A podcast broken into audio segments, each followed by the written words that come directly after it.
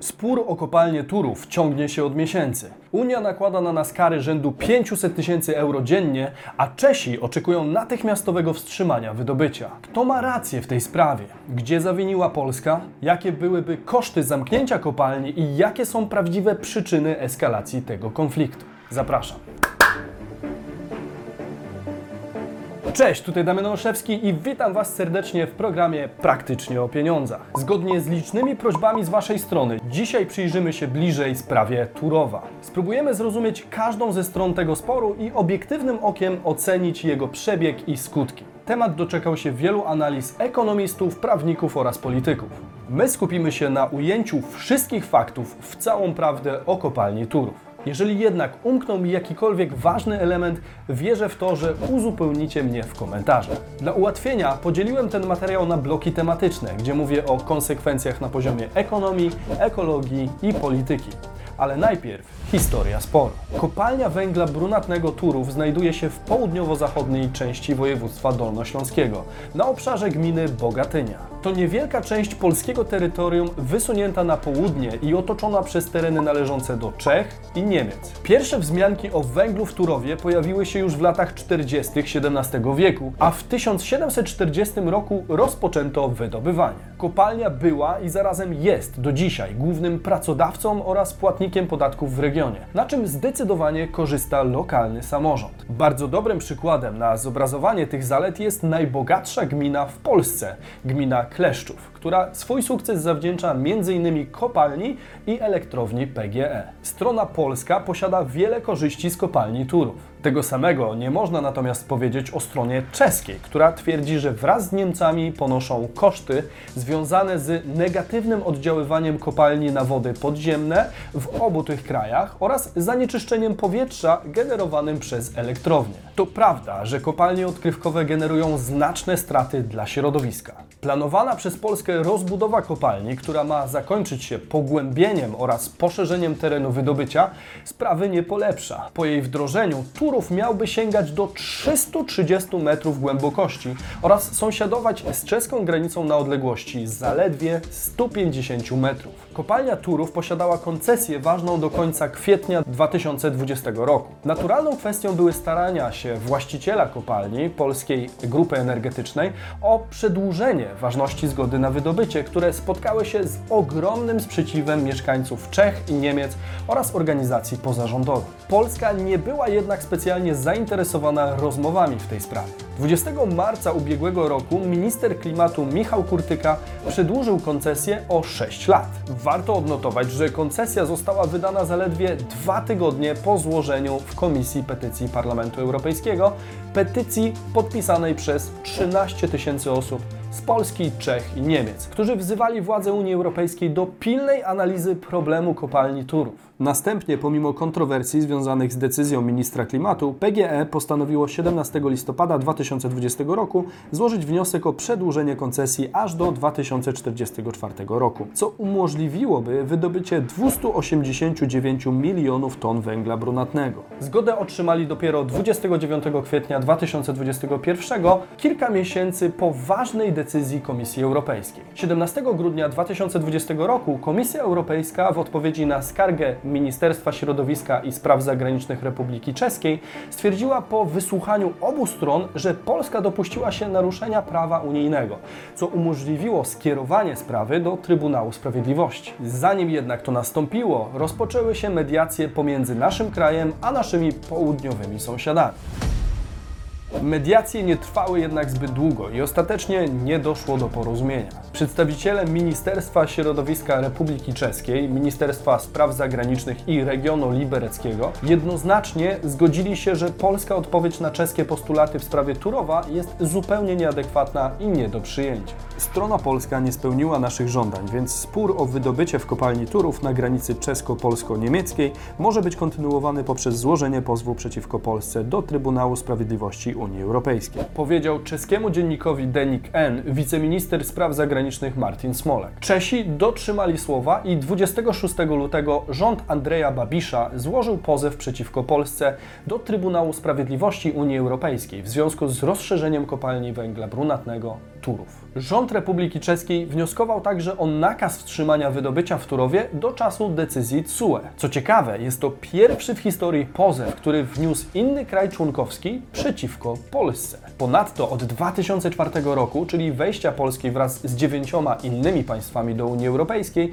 były zaledwie cztery przypadki tego typu pozwów. Czego Czesi domagali się w pozwie? Czescy eksperci w chwili skargi wycenili wyrządzone szkody na 175 milionów koron, czyli około 30 milionów złotych. Ponadto Praga domaga się zobowiązania rządu Mateusza Morawieckiego do rozmów o wybudowaniu zastępczych źródeł wody na dotkniętym obszarze. Koszt takiego rozwiązania szacuje się na 800 milionów koron, czyli prawie 140 milionów złotych. Z tymi roszczeniami nie zgadza się Sandra Apanasionek, rzeczniczka Polskiej Grupy Energetycznej Górnictwa i Energetyki Konwencjonalnej, do której należy zarówno elektrownia, jak i kopalnia Turów. Pani Apanasionek stwierdziła, że decyzja o przedłużeniu koncesji o 6 lat została wydana zgodnie z polskim prawem geologicznym i nie ma podstaw do jej zaskarżenia. Nie zgadza się też z zarzutami czeskiej strony o brak informacji. Udzieliliśmy kilka tysięcy szczegółowych odpowiedzi na pytania również z Czech i Niemiec, rozwiewając wszystkie kwestie budzące jakiekolwiek wątpliwości.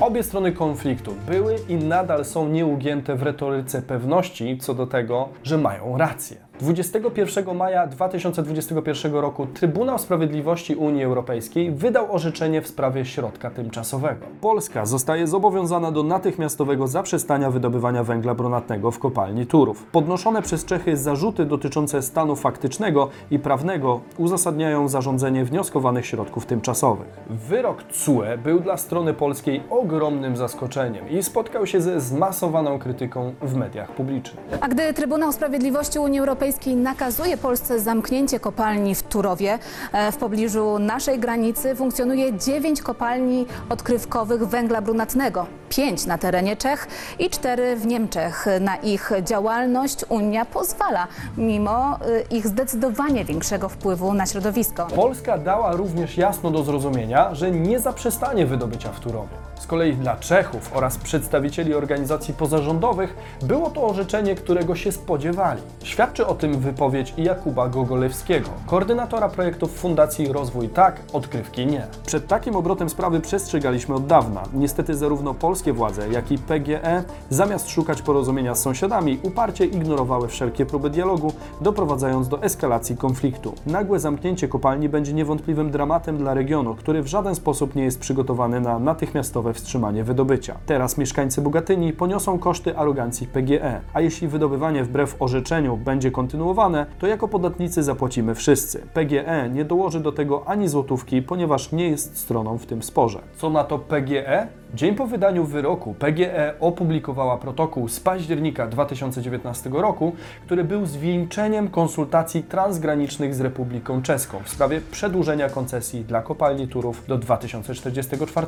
PGE argumentuje, że konsultacje ze stroną czeską prowadzone były przez 5 lat z ponadstandardową intensywnością. W komunikacie można było przeczytać, że w protokole z uzgodnień Czesi przyjęli zaproponowane przez kopalnię środki minimalizujące wpływ kopalni na przygraniczne tereny czeskie. Na tej podstawie kopalnia otrzymała decyzję środowiskową, a w dalszej kolejności koncesję na wydobycie do 2044 roku. Mimo to Czesi domagają się natychmiastowego zamknięcia kopalni Turów. Ponadto podczas majowych negocjacji padło hasło wieloletnich projektów czesko-polskich. W tym m.in. powstanie wału ziemnego ograniczającego pylenie i hałas oraz realizację budowanego już ekranu przeciwfiltracyjnego. Udział Polski miałby wynieść aż 45 milionów euro. Historia sporu polsko-czeskiego o Turów jest jak widać całkiem długa i burzliwa. Natomiast warto, żebyśmy zrozumieli znaczenie Turowa dla polskiej energetyki.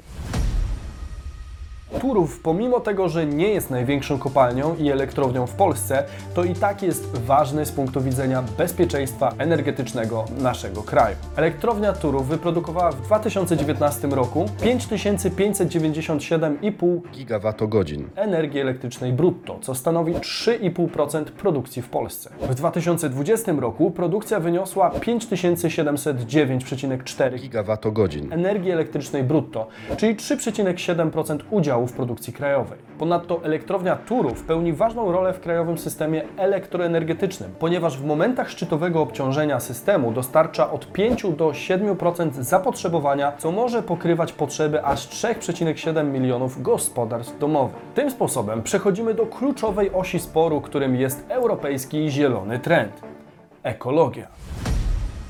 Przyjrzymy się najpierw zagrożeniom wynikającym z dalszej działalności kopalni i planowanym jej powiększeniu. Faktem jest to, że wydobycie węgla brunatnego w okolicy kompleksu Turów wywiera długotrwały szkodliwy wpływ na teren Czech, Niemiec, jak i Polski. Największe są obawy związane z zagrożeniem pozbawienia dostępu do wody pitnej dla prawie 30 tysięcy czeskich mieszkańców. Jest to spowodowane dwoma rodzajami lejów depresji: odwodnieniowym i odprężeniowym, które są generowane przez odkrywkę w Turowie. Z tego powodu w strefach objętych tymi lejami mogą zanikać przepływy w rzekach, strumykach, stawach i innych zbiornikach wodnych oraz mogą występować problemy z coraz bardziej obniżającym się zwierciadłem oraz malejącymi zasobami wody. Tyle, że kopalni odkrywkowych w tym regionie jest więcej. Znajdują się one zarówno po stronie niemieckiej, jak i czeskiej. A więc obwinianie Turowa za suszę w tym miejscu jest jak skazanie jednego bandziora za winy całego gangu. Do tego sądem i oskarżycielem w tej sprawie stają się inni członkowie gangu. Niemcy i Czesi. Można więc powiedzieć, że Turów stał się kozłem ofiarnym, jednak wydarzyło się to na nasze własne życzenie. Daliśmy sąsiadom wystarczająco dużo podstaw do eskalacji konfliktu na obecną skalę. Co o ekologicznych zagrożeniach ze strony Turowa sądzi sama Polska? Według PGE GiEK kopalnia nie jest winna zarzucanych problemów. Od 2019 roku budowana jest kurtyna osłaniająca polską kopalnię od południa, która ma na celu powstrzymanie spadku poziomu wód gruntowych po czeskiej stronie. Ponadto, według cytowanej wcześniej pani Apanasionek, na poziom wody wuchelnej wpływ ma wiele czynników, które jej zdaniem Praga pomija. Tymi czynnikami mogą być wielka czeska żwirownia Grabstein, która znajduje się w pobliżu, a także największa susza hydrologiczna w ciągu ostatnich 300 lat, która występuje także na obszarze Polski. Odnosząc się do ujęcia wuchelnej, wskazuje, że każde źródło powinno być eksploatowane właściwie, to znaczy powinno się z niego czerpać tyle wody, ile ono daje. Załóżmy jednak, że Polska podporządkowałaby się wyrokowi Trybunału i oczekiwaniom Czechów. Jakie miałoby to skutki ekologiczne dla regionu? Wyłączenie Turowa nie ma zbyt dużego sensu z punktu widzenia ekologicznego. Ubytek prądu musiałby zostać zrekompensowany energią pochodzącą ze starszych jednostek węglowych. Więc oczywistą kwestią jest to, że środowisko naturalne ucierpi na takim rozwiązaniu. Jeśli jednak Polska zamiast korzystać ze starszych kopalni chciałaby sprowadzić węgiel z okolicznych kopalni w Czechach czy Niemczech, to warto zaznaczyć, że jest to praktycznie niemożliwe. Według Wojciecha Ilnickiego, przewodniczącego organizacji związkowej NSZZ Solidarność, 200 tysięcy ton węgla dziennie nie można dostarczyć w żaden sposób. Na przykład, gdyby to robić tirami, to one musiałyby kursować co minutę. Nie da się tego przeładować o czasie. Ten węgiel w transporcie wysycha. To po prostu nierealne. Podobnie nie udałoby się zrobić tego koleją. Ponadto natychmiastowe wstrzymanie wydobycia z przyczyn ekologicznych paradoksalnie zakończyłoby się katastrofą ekologiczną. Proces wygaszania działalności kopalni tego typu poprzedzają długoterminowe przygotowania. Natychmiastowe zaprzestanie prac spowoduje niekontrolowany napływ wód z okolic kopalni i okaże się odwrotnością postulatów, o jakie walczą dla regionu Czesi. Poza tym, po wstrzymaniu wydobycia praktycznie nierealne okazuje się wznowienie działania kopalni. Zatem wydanie wyroku o natychmiastowym wstrzymaniu wydobycia wydaje się idiotyczne z perspektywy ekologii, która jest oficjalnie główną przyczyną jej wydania. Istnieją również skutki o charakterze stricte ekonomicznym, ponieważ Polska nie będzie wykorzystywać całego kompleksu, a do tego ucierpi około 8 tysięcy pracowników, którzy z dnia na dzień stracą pracę. Wstrzymanie wydobycia w kopalni będzie również generować znaczne koszty związane z dalszym jej utrzymaniem, pomimo braku korzyści. Zatem ten wyrok, jako środek tymczasowy przed faktycznym udowodnieniem winy przez CUE, wydaje się dość ostry i nieprzemyślany. Europa, zamiast dać nam kuratora do wyjaśnienia sprawy, próbuje wrzucić nas do aresztu w Guantanamo do celi z grupą gwałcicieli. Innymi słowy, skutki mogą być nieodwracalne, nawet jeśli jesteśmy niewinni. Nie sposób też pominąć politycznej osi tego sporu, czyli napiętych relacji Polski z Unią oraz korzyści wyborczych dla czeskiego premiera. Dlaczego czeski rząd tak naprawdę nie chce się dogadać? Polsko-czeskie rokowania w sprawie kopalni węgla brunatnego Turów trwają od miesięcy i odbyło się już 17 rund negocjacyjnych. W minionym tygodniu rozmowy zostały po raz kolejny przerwane i nie podano terminu ich wznowienia. Ten fakt skomentował w programie pierwszym Polskiego Radia wiceszef Ministerstwa Spraw Zagranicznych Marcin Przydacz. Nasi negocjatorzy, ministrowie klimatu i wiceminister spraw zagranicznych 17 razy udali się do Pragi z konkretnymi propozycjami elastycznymi, dopasowanymi do oczekiwań czeskich i za każdym razem, kiedy dane oczekiwanie zostało w jakiś sposób spełnione, okazywało się, że jest inny element, który wymaga zmiany. Więc te negocjacje przeciągały się i w pewnym momencie pan minister klimatu i środowiska Michał Kurtyka oraz wiceszef MSZ Paweł Jabłoński doszli do przekonania, że strona czeska tak naprawdę nie jest zainteresowana na tym etapie finalizowaniem tego projektu, a szkoda, bo mieszkańcy kraju libereckiego mogliby otrzymać konkretne wsparcie na polepszenie swojej sytuacji. Sprawa utknęła w martwym punkcie. Póki co nie zapowiada się scenariusz, w którym obie strony wypracują jakiś konsensus. Skąd ten opór po stronie czeskiej? Otóż premierem Republiki Czeskiej jest najbogatszy Czech Andrzej Babisz. Rolę polityka łączy z biznesem. Jest właścicielem ogromnego koncernu rolniczo-spożywczego Agrofert, ma setki tysięcy hektarów ziemi, kontroluje setki mniejszych firm oraz trzyma w garści najpoczytniejsze dzienniki Lidowe Nowiny i Mlada Fronta Dnes trzy stacje telewizyjne i jedną radiową. Czesi są również właścicielami niektórych z niemieckich kopalni znajdujących się w regionie. Te fakty mogą utwierdzić nas w przekonaniu, że walka o ekologię to tak naprawdę walka o polityczne wpływy i korzyści biznesowe. Batalia z Polską rozgrywana jest również pod publiczkę, aby uzyskać kilka punktów poparcia w nadchodzących wyborach w Czechach. W grę mogą również wchodzić silne niemieckie wpływy polityczne, w których coraz mocniejszą rolę zaczyna odgrywać energetyka